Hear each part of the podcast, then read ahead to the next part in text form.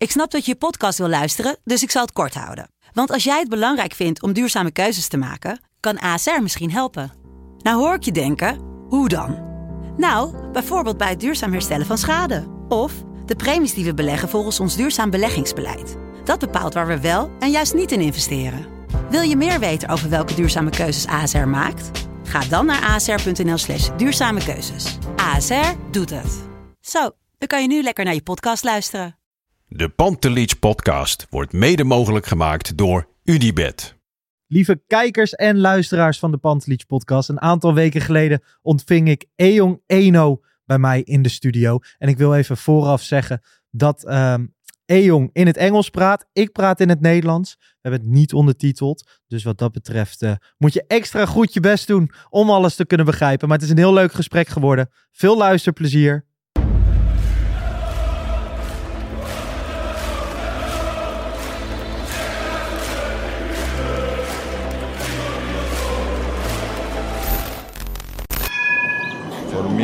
They can have just lot of goals, lot of fun, and some some other things. 5-0 wordt het in Amsterdam. En nu, nu is de 36e landstitel binnen. Kluivert, ja! Kluivert 1-0.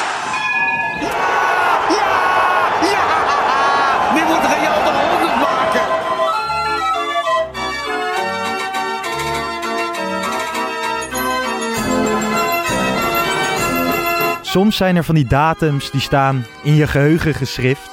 Ehm, voor sommige mensen is dat de geboorte van hun kind. Voor sommigen is dat hun bruiloft. Voor mij, tot dusver, in mijn nog prille leven, is dat 15 mei 2011. De dag van de derde ster. De dag van eh, een speciale reporter. De dag van Ejong Eno. Vandaag bij mij in de studio. Welkom bij de Pantelich podcast. Dit gesprek, eh, ik praat in het Nederlands. Jij geeft antwoord in het Engels. Super, super. Hoe is het met je? I'm doing good. Gaat goed, gaat Ja? goed. Yeah, I can, uh, I can speak a little bit Dutch, but uh, we speak in English today. Ja, we zagen het, want eh, toen jij de derde ster reporter was, dat was in Nederlands. Yes, yes, yes. I did it in Dutch because, um, you know, when I speak speak English to the, my teammates at the time, they speak back to me in Dutch. So it was a big feast. Uh, it was a big event, and. I was like, I'm gonna try my Dutch. I know it was very bad, but I was excited and I wanted to take the challenge. Ja, cool. Was eh, een schitterend filmpje, gaan we het straks nog even over hebben. Ehm, waar mensen je ook ongetwijfeld van kennen is eh Ejong Tarkang Eno, hè, Evert ten Napel in de FIFA-spelletjes. Yes, yes, yes. Die noemde je altijd zo. En eigenlijk, eh, ja, totdat je er helemaal gek van werd, werd dat herhaald in de, in de woonkamers. Maar ik moet eerlijk zeggen, ik zette jou altijd in mijn basiself, omdat Evert Napel je naam zo mooi uitsprak. Word je nog vaak zo genoemd? Yeah, it was special. Um, uh, was special that not all the players you call their three names. Mhm. It's always two names, and um, I discovered that my name became popular because of him uh, with the FIFA, and everybody I passed everywhere. Hey, young, they call the first name slow. Then the middle name they call it loud. Hey, Yeah. Takang and Eno. So it's, it was it was nice to be able to see that, and I think I have to thank Ethan. I think he he he, he stopped already. He's on retirement, but I Ja, hij yeah. doet nu heel soms nog eh, Engels voetbal. Doet hij nu weer. Maar hij was gestopt inderdaad. Yeah, so I really have to thank him for that. He made my name even more popular through the Yeah. FIFA. Hey, ehm, Ajax Cape Town, Ajax Amsterdam, Ajax Amateurs. Ajax is een groot onderdeel van je leven. Yes, it did. Um, Ajax Cape Town was where I really started to uh, learn how to play football uh, an organized way. And my my foundation in terms of football, I was already playing in Cameroon for First Division. I was Yeah. playing for the junior national team. But when I came to Ajax Cape Town, I really started to understand football more because the Ajax philosophy, the Ajax system way of playing was already there. And it helped me a lot. It gave me uh, the right uh, tools and the development. And from there to Amsterdam and uh, amateur also. Uh, actually, Ajax was the first top professional club I played in Europe. So Yeah. it's always special in my heart. And uh, I was able to play there for five years. So you, you don't forget that. You know, that doesn't go easy. And uh, once you wear put on the red and white shirt, like it's for life. Ja, nou ja, ik geloof je. Want zeker als je Ik had je voor gek verklaard als je nu zou zeggen dat Willem II een mooiere club was. Al is Willem II ook een prima club. Je werd inderdaad geboren op 23 maart 1986 in Cameroen, Kumba. Ehm, hoe gaat dat, zeg maar? Wat ik me afvraag is, hoe maak je een transfer van Cameroen naar Ajax Cape Town? Hier weten we een beetje hoe transfers gaan. Ik bedoel, daar zal ook gescout worden. Maar hoe was jouw jeugd? Hoe begon je daar met voetballen? Well, I started playing football in the streets like every other person. Uh, also at school, we had a lot Mhm. of school football. I think that helps a lot. Uh, in Holland, I don't know, I haven't seen that much, but in Cameroon, we have a lot of school football competitions where talents are scouted. And during the holidays, we have uh, like under 13, under 14, big tournaments in every city. And I was scouted among them to go in one of the football schools. They call it the Brasseries in Cameroon. Uh, I think Mhm. Eto, uh, Rigobert Song, Jeremy Jitap, and a lot of top Cameroon players. They all went through the same process. So that's how I started playing in the in the street, in the city, and I was fortunate to play for a team called Littlefoot. It was in Tico, this city in Tico, and it was made up of very young, talented players. And it was so special because we were like a small family. This is where I became popular in my home city, and they gave me a nickname. A lot of people don't know, but uh, if you go to Cameroon and you say, I'm looking for Veron, Johan Sebastian Veron of uh, Argentina, Ja. everybody knows. If you go and say, I'm looking for Eno, like, who is that? You see, in Amsterdam, they know me Eno, but in Cameroon, most people know me as Veron. So that's really how I started. And um, Wat vet. Toch? Want ja, Ja. Nou ja, een bijnaam. Veron was een, was een schitterende middenvelder. En inderdaad, als je gewoon naar jouw profiel kijkt en hoe jij voetbalde en hoe Veron voetbalde, dan zit er vergelijking in. Yeah, bef- before I came to Ajax, I was playing more like offensive, number eight, and Mm. uh, people gave me the name. I didn't know why. Then they said the way you play looks like Veron. So Mhm. from there, I moved to Cyprus. Cyprus, I Yeah. went as an agent who scouted me, took me to Cyprus, and then another Turkish agent saw me and then brought me to South Africa because the coach at the time at Ajax Cape Town was a Turkish guy, uh, Mushin Etogral. Uh, he, he helped me a lot in my development. So that's how I got to Cape Town. So I didn't leave Cameroon direct to Cape Town. I went first to Cyprus, Yeah. and then I came. Now it's a bit more uh, advanced. You have more scouts because of me. There are people who are going to scout players in Cameroon. Yeah. And recently, uh, there were about two players that moved to Cape Town already um, recently. So that's how I moved from Cameroon to Cape Town. Ja, en d- je voetbalde bij Cape Town een aantal keer proefperiode gedraaid in Europa bij Ja. een aantal clubs. Ja. Maar ehm, nou ja, dat werd op een, een of andere manier niks. En toen was het Hans Vonk, hè, oud-keeper van Ajax, die jou tipte in Amsterdam. En toen mocht je een proefperiode hier, eh, hier afwerken. Weet je, nog, weet je nog hoe dat ging? Je mocht hier op proef komen. Was dat dan echt een eer dat je naar Ajax mocht? Of viel dat wel mee? Well, my first season at uh, in Cape Town, uh, Yeah. Uh, Hans Vonk was the captain, and he saw me come in. And uh, of course, you had very talented South African players in the team, but not all of them were very disciplined. Like for me, I'm, I'm coming from a rough journey, and I really knew what I wanted, and I was really focused. Yeah. So he he began to uh, talk to me, like mentor me, like encourage me. And this the season, that season, first season, we won the cup, the the big cup Mhm. in in Cape Town was a big big celebration for me. And the second season, we were almost champion, and I was nominated as one of the best players of the league that year. So Hans Vonk had really followed me up, and I think he he is the one who spoke to Ajax that there's a young guy you guys should have a look at him. Yeah. And that's how I came for for tryout when uh, um, Marco van Basten was the trainer of Ajax in 2008. Niet de minste naam. Toch? No, not at all. Die not kende all. je al wel, neem ik aan. Toch? Not at all. I was uh, that was a big shock for me to come for tryouts, and then the trainer of Ajax is uh, Marco van Basten. You always saw him on TV and in the Ballon d'Or, and then now he's I'm seeing him live. So for me, that was that was that was huge. Ja, dat geloof ik. Nou ja, afgelopen week hoorde ik dan voor het eerst dat ik met jou een podcast op ging nemen. En ik zat te denken van ja, waar denk ik aan als ik aan Eno denk? Nou ja, vroeger dan, eh, dan speelde ik nog wel eens eh, Toto met mijn vrienden. Zet ik wat geld in en dan zet je wel eens geld in Ajax wint of eh, die gaat scoren. Maar ik zette echt altijd geld in op Ejong Eno pakt een gele kaart. en ik won vaak. Ik won vaak. Want je pakte veel gele kaart. Ik, heb, ik ken je als een, als een mannetjesputter. Maar ik moest ook direct denken aan die schitterende goal van jou tegen, tegen FC Twente uit. Ja. Die 2-2. Yes, yes, yes. Volley yes, van buiten de 16. Yes, yes. Ehm, je scoorde drie keer voor Ajax. Volgens mij één keer in Europa tegen Marseille. Yes, Eén keer correct. tegen FC Twente. En die derde weet ik niet. Je speelde ehm 98 duels. Volgens mij. Ja, volgens mij 98 Yeah, around voor, the eh, yeah. voor Ajax. Ehm, je won de beker. Je, je pakte de derde ster. Die, ehm, die beker, die bekerfinale, dat was die 1 over twee duels, hè? Tegen Feyenoord. Yes. Kregen jullie de KNVB-beker in een lege kuip. Yes. Het tweede duel was daar. Iedereen ging weg natuurlijk. Niemand wilde dat zien. That, that was special. Ja? Yes. Was dat een mooi gevoel in de lege of kuip? course, it's special.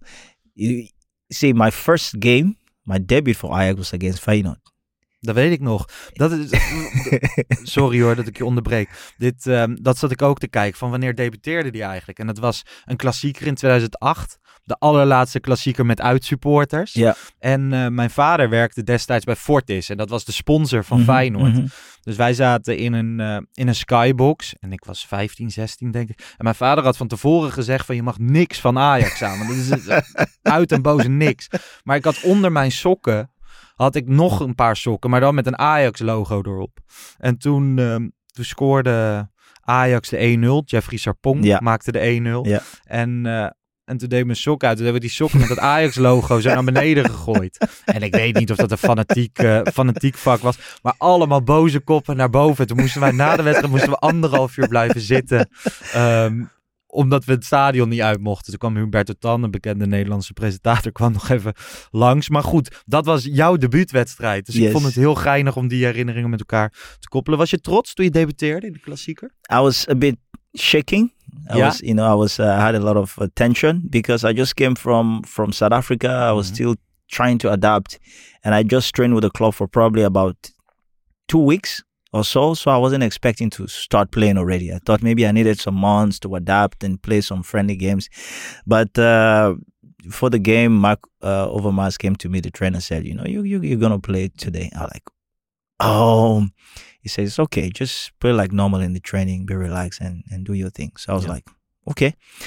But I didn't know how big Ajax Feyenoord was till I got to the stadium. Yeah. Like I was shocked. And the good thing is I don't understand Dutch yet. So everything they said in Dutch, I don't know what they're saying. I'm just focused on the game. And uh, I think when I came into the game, the first uh, action I got involved in was a tackle on Bisesra. I will not forget it because we spoke afterwards. And I think a lot of people got to notice me from that tackle. Like, who is this guy? You know, first action, Yeah. bam. And for me, that was my entry. After that moment, I was like, wow, I'm here. I made my debut. It's possible. So I had more confidence, you know, to go to go further. Ja. Nou ja, dacht je, want je wist dus niet hoe groot die wedstrijd was, dat het de wedstrijd was, eigenlijk nog steeds, die we in Nederland hebben. Dacht je, elke wedstrijd in Nederland is dit? No, no. After that game, I, I realized there are just a couple of teams that for Ajax is crazy. So Feyenoord, you have PSV, Ja. and at the time, Twente, AZ, they were Yeah. really doing well because Twente had McLaren as a coach. Again, AZ, you had uh, uh, Van Gaal was Yeah. coach there, and they were really they had European quality in the team. So when we play these teams, you know, okay, but the fans is not as crazy as Feyenoord and probably PSV because there's more this rivalry. And going back to to the to the uh, Baker or to the Cup final, we Yeah. played Feyenoord twice. So after the opening where I played against Feyenoord, I understood how big it is. And now you play final and you play Feyenoord two times and you beat them twice. That's like heaven. Ja. Nou ja, die, die eerste wedstrijd, die eh, was volgens mij na zeven minuten was het eh, twee keer Siem de Jong. Yes. Stond je al 2-0 voor. En, ehm, en uit werd er ook dik gewonnen. We maakten die keeper direct een blunder. Volgens mij Mulder was dat. En eh, inderdaad, de beker werd gewonnen. Maar het, het echte hoogtepunt van jou bij Ajax is 15 mei 2011. Ik bedoel, ik zei het in mijn introductie voor, voor denk ik iedereen van mijn leeftijd. Ik bedoel, ik heb ook Real Madrid uit meegemaakt dat er wordt gewonnen. Maar Ja.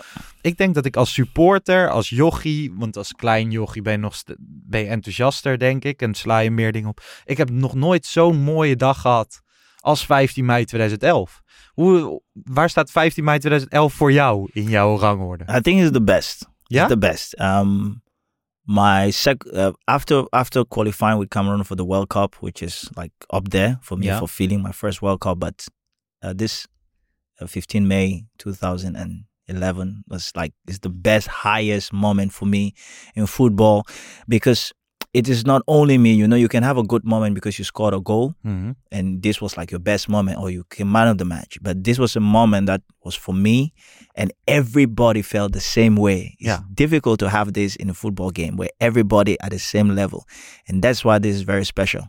Ja, je, jullie kwamen volgens mij aanrijden met de bus en zagen een mensenmassa, iedereen rood-wit die dag. Eh, ook de dag dat het liedje Crazy on the Dance Floor Ja. is geboren toen jullie opkwamen. Dit seizoen wisten ze, hebben ze hem voor het eerst twee keer weggehaald. Elke supporter werd boos. Dat liedje moet terug als ze opkomen voor de warming-up.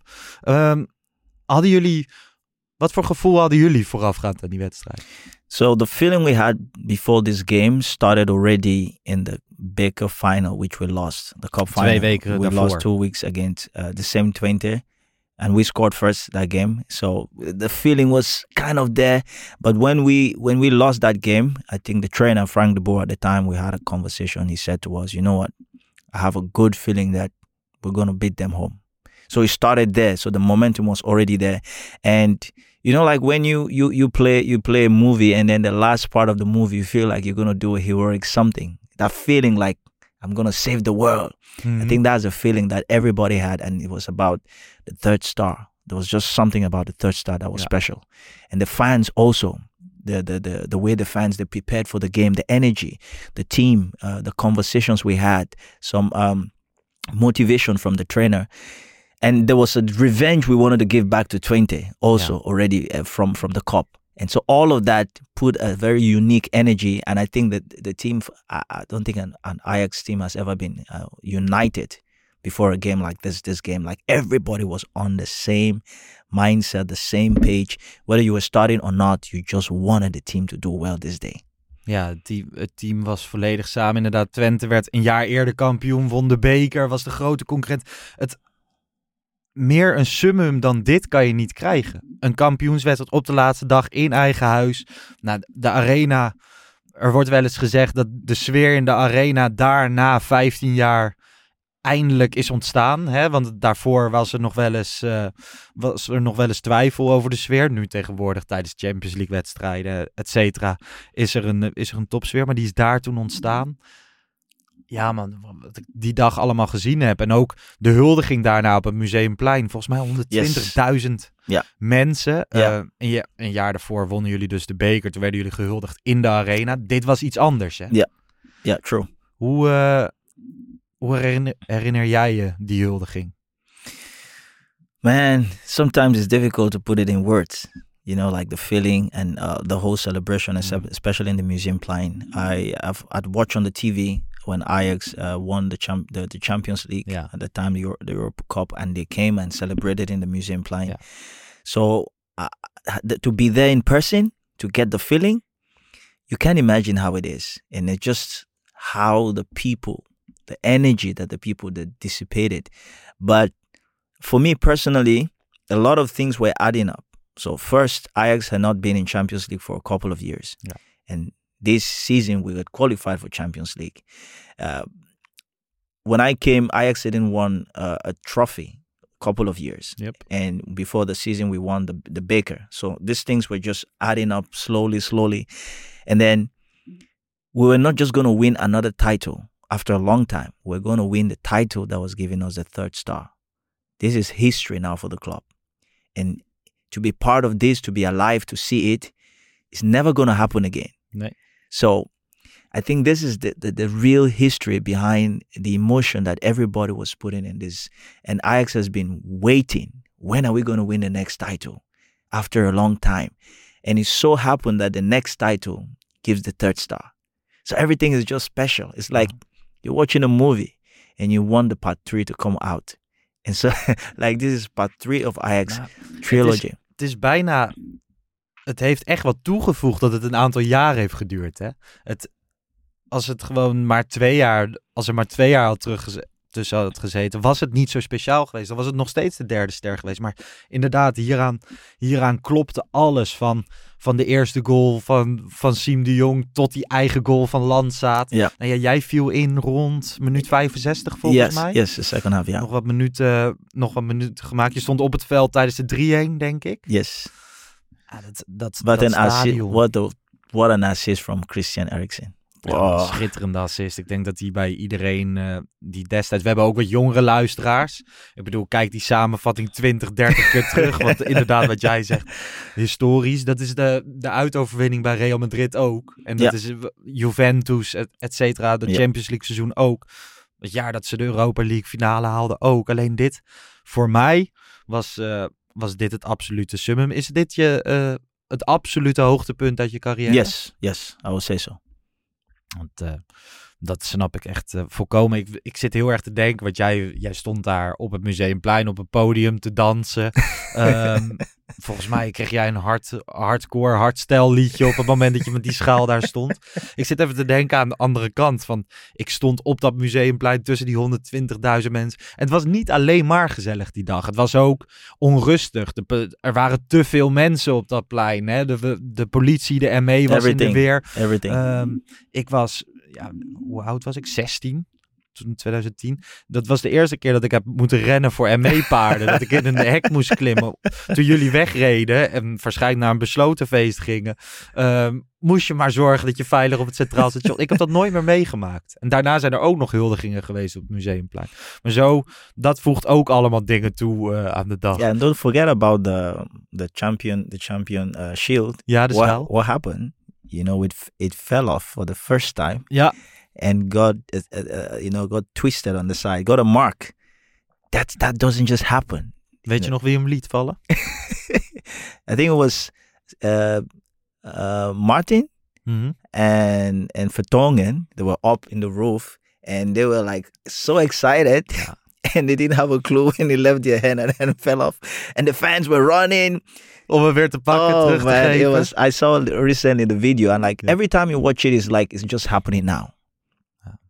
Ja, ja ik, zit, ik zit te denken, Jan Vertongen liet inderdaad die, eh, die schaal vallen. En, maar gewoon in aanloop naar dit duel, naar da- deze Ajax FC Twente, was er bijvoorbeeld een reportage over Jan Vertongen bij De Wereld Draait Door. Ja. Waarin hij een broodje kaas ging halen bij de Albert Heijn. En zelfs die reportage staat op een netvlies ges- gegrift, weet je wel. Alles, alles klopte eh, aan die dagen.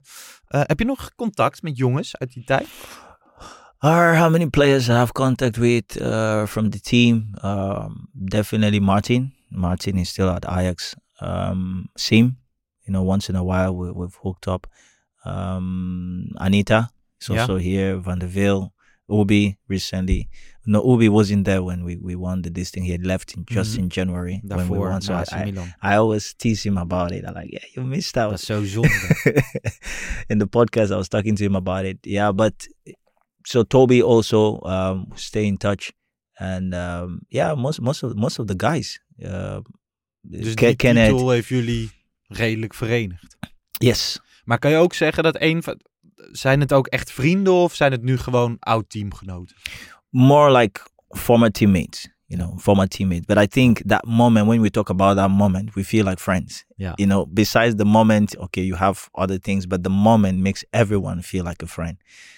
So Yeah. of course you had players who were more closer than the other players. Uh, for me, I was close to Anita, uh, Ubi. Uh, uh, I was close to Suarez because I need to tackle him more more in the training. But so that that was it.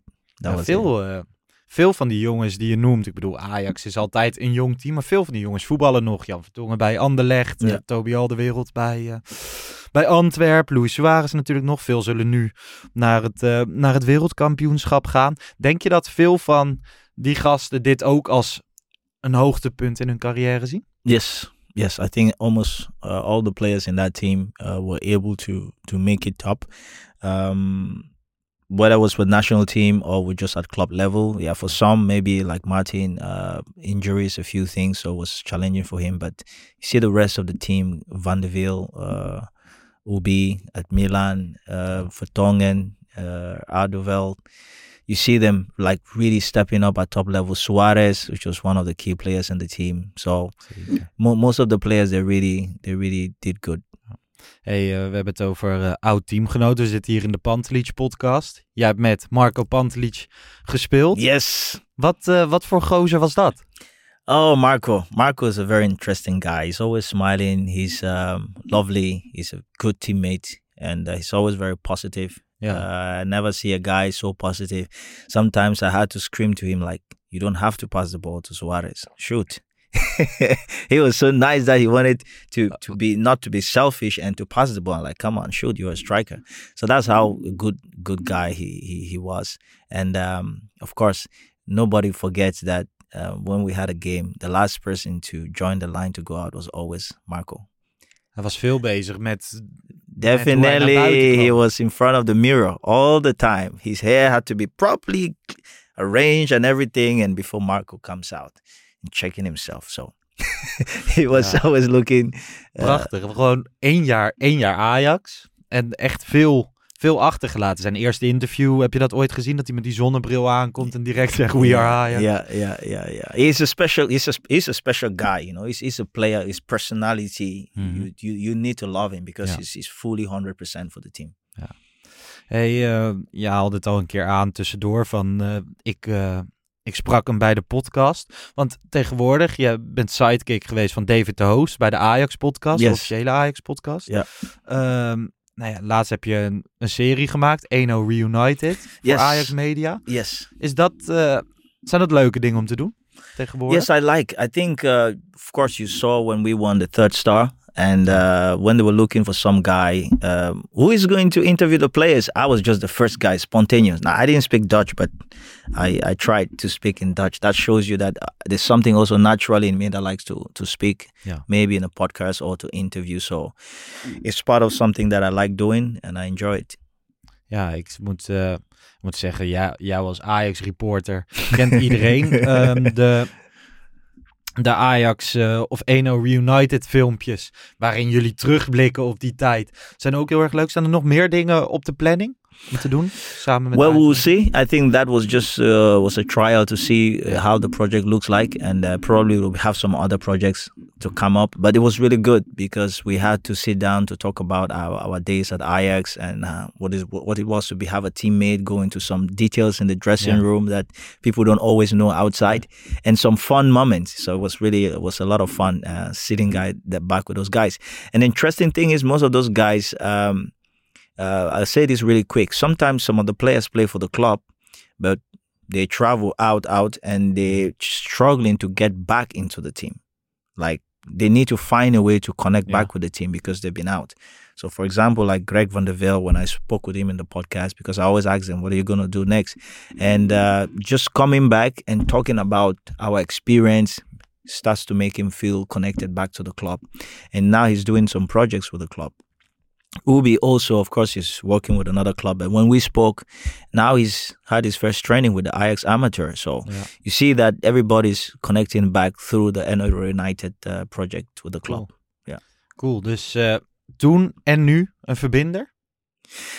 Well, um, I'm very passionate about um, op, uh, you say in Dutch, um, jeugdopleiding. I'm Yeah. very passionate about mentorship and development for young players. I think when I look back at my career, there were a few things um, I would have loved to have in terms of management, but in terms of uh, mentorship and education, Yeah. which I feel like I want to give back to a lot of young players. So I'm busy with that, and that's the reason I wrote a book uh, uh, titled "How to Become a Successful Professional Footballer." Yeah. The four P to a successful career. So the book is on Amazon. We zullen de link even in de beschrijving zetten. Sure. So it's, it's just a book to help uh, players uh, to be a success, not just on the field, but in terms of life outside life. You know, and there are a lot of things you need to do for for yourself, especially when you're a footballer. It's like almost think everything is done for you. You know, the jersey, uh, you want to travel, the flight ticket is there. You get used to this, Yeah. but you need to also uh, find a way to become uh, aware of life outside football. Otherwise, when you stop, you discover that you you lose a lot of opportunities, you waste a lot of time, or you didn't notice certain things. So, my goal is to encourage players like while you're playing in football, be also um, alert about real life Yeah. because for some people it goes fast, for some it goes slow. So not everybody is gonna have a career of Suarez. Nee. Nee, zeker niet. dat, eh, dat onderstreep ik alleen maar. Jouw, eh, je zoon, Basjan, speelt in de jeugd bij Ajax, de onder de 16. Ja. En ehm, nou, ik neem aan dat hij dat heel erg leuk vindt. Dat jij het heel erg leuk vindt dat hij in de jeugd speelt. Maar wat zou jij hem en andere jeugdspelers, niet alleen bij Ajax, maar ook daarbuiten, ehm, willen meegeven dan? Gewoon, want jij zegt van, eh, ik zou ze tip, tips willen geven. Ik vind dat interessant, ik vind dat leuk. Wat geef je al die gastjes mee op die jonge leeftijd? Well, for me, it's uh, uh, uh, just enjoy what you're doing. For him now, he's he's 15, Mhm. so there's really not so much I'm gonna be talking to him because from zero till 15 is just you just have to enjoy football. Just uh, be in that space. Uh, love it, have fun, develop it. But when you start to climb up to 18, 17, then the pressure starts to come because you start to think, am I going to get a contract? Uh, Yeah. uh, the opportunity, uh, you go, as their injury, uh, what if football doesn't work? What do I do? So there's a lot of pressure, fear. So this age, you need a lot of mentorship and guidance at that time. And I think for him, this is where I'm going to come for now. He just needs to enjoy because he's 15, doesn't need to think too much. Nee. Aan de ene kant, is dat, is dat ook bij Ajax? Gewoon dat je tot je vijftiende, dat je het gewoon leuk mag hebben? I think it's for every kid everywhere. ja, dat snap ik. Maar Ajax. gewoon, Ajax is de grootste club van Nederland. Wil Yes. de meest succesvolle spelers. Die willen ook op hun dertiende al schaven. En Ja, dit kan beter, dit kan beter. Definitely. Terwijl je af en toe best wel eens kan zeggen van, nou, gaan we gewoon lekker voetballen. Ehm, maar bij Ajax hebben ze wel gewoon de begeleiding Ja. die, eh, Ja. Die je verwacht. Yeah, definitely. For Ajax, they, it's like, of course, you said they took him. So 15, they already see the potential of the player. They can anticipate. They're not always looking for results now. At 15, the player still has like one, two years to develop a lot of things. Yeah. So at 15 is more about the development of the player. Uh, it may not necessarily be 100% where people see it because most of these players, you may not recognize them in two years if maybe they play against, for example, they play against 20 and the 20 uh, on the 15 looks very active and agile and physic, and everybody think, oh, this is it. And give them two years, something completely different happens. So this is the four vision of Ajax. They see young talent, kleiner, not so groot physically, but in two years the kid can change. He can become more smart, more technical, more quick, and he's a different player from two years ago category. Ja, nou ja, ik zou eh, nog uren met je door kunnen praten, maar volgens mij zit de tijd er een beetje op. Ehm, super bedankt dat je langs wilde komen, dat je mij nog eens terug wilde nemen naar al mijn herinneringen van de derde ster. De luisteraar meenam met jouw herinneringen. Ik bedoel, ehm, een van de dingen die ik me aan jou kon herinneren was, was je glimlach. Nou ja, die is er nog steeds, toch? Maar je lacht, I don't laugh on the field, right? So in- Nee, dat is waar, maar gewoon daar, daarbuiten, yeah, altijd but, leuke but, but mo- interviews. most people are wondering like on the field is different outside he's a cool guy he's a calm guy yeah but it's because when i get on the field like i'm a warrior Maar je hebt wel iets goed gedaan dan. Want eh, hè, je bent een strijder op het veld. Zoals gezegd, pakte nog wel eens een gele kaart. Ja. Maar jouw imago naar buiten is altijd heel vriendelijk en leuk geweest. yeah so it's like putting on your your your uniform for Yeah. battle after battle you, you get back to, to real life Top, dankjewel uh, dat je er was. Veel succes met alles wat je gaat doen. En hopelijk zien we Basjan ooit eh, ook in de arena een geel kaartje pakken, zodat ik daar weer iets op kan zetten. Ehm, mensen, bedankt voor het luisteren naar deze speciale aflevering van de Pantelic podcast. Laat vooral je reactie achter op eh, Twitter, Instagram. Doe even een, eh, een duimpje omhoog als je op YouTube kijkt. Daar kan je natuurlijk ook reageren. Volgende week zijn we er ongetwijfeld gewoon weer met een nieuwe aflevering. Tot dan. Ciao.